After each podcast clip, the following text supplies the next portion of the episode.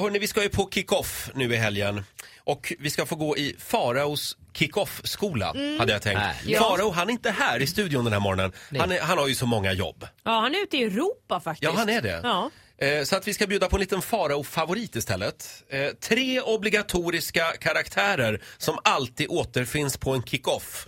Ah, Håll utkik efter de här nu i helgen. Vi ska Ja. ju på kick-off nu i helgen. Eh, Det var till att börja med den barnfria mamman. Kan ju Oh. Ja. vara en barnfri pappa också. Ja, Farliga. de är livsfarliga. ja, det Passa blir på. ett väldigt röj. All in brukar vi sätta på dem. Ja, just Ja, ta det. Eh, chansen. Sen är det den unga lipliner-kvinnan som har fått sitt första riktiga jobb. Ja. Vad menas med det Titti? Nej, men det här är, hon är ju väldigt, alltså, det är ju väldigt glad och trevlig tjej, Mm. vill jag understryka. Det är de alltid. Men överladdad lite grann. Klär sig lite för fint. Eh, lite för mycket smink. Alltså, ja, om man nu ska försöka vara lite stereotyp runt henne. Och eh, hela tiden jätteglad men mot slutet lite rufsig, lite Mm. Också- utsmetad och trött. Klar risk för urspårning. Mycket Ja. stor risk. Eh, Håll vi- ögonen på dem. Vi har en punkt till på den här listan. Ska vi höra hur det lät när Faro var här? Ja. Plats nummer tre. Eh, Det här är en grupp eller en ensam person, men jag väljer att kalla dem konferensknullarna.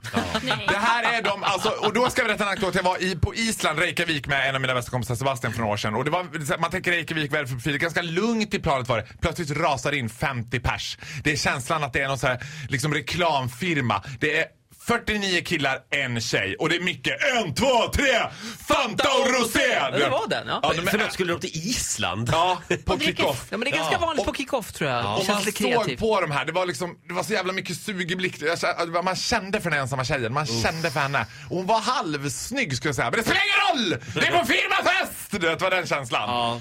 Och varenda, det var så här, så fort jag och Sebastian väl på i Reykjavik gick in i någon convenience store så kom de där in och bara Do you have condoms here? Du vet, de var övertaggade testosteron, du vet. Sen ser man Annika i receptionen på flygplatsen på väg hem.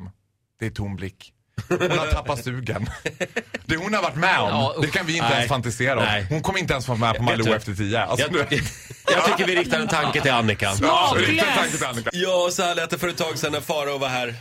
Stackars Stackars. Annika. Ja. Och vi ska till Eskilstuna på kick-off nu i helgen. Se upp Eskilstuna! Se upp ja. Säger vi. Det var väldigt exklusivt resmål i år. Ja, förra året var vi ju utomlands, då var vi på Malta. Mm. Ja.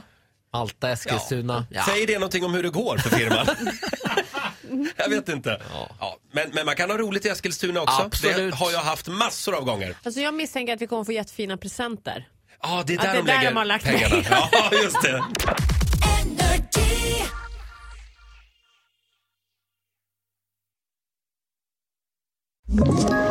Ett poddtips från Podplay. I podden Något Kaiko garanterar östgötarna Brutti och jag, Davva, dig en stor dos skratt. Där följer jag pladask för köttätandet igen. Man är lite som en jävla vampyr. Man har fått lite blodsmak och då måste man ha mer. Udda spaningar, fängslande anekdoter och en och annan arg rant. Jag måste ha mitt kaffe på morgonen för annars är jag ingen trevlig människa. Då är du ingen trevlig människa, punkt. Något Kaiko, hör du på Podplay. Därför arkadeinerna.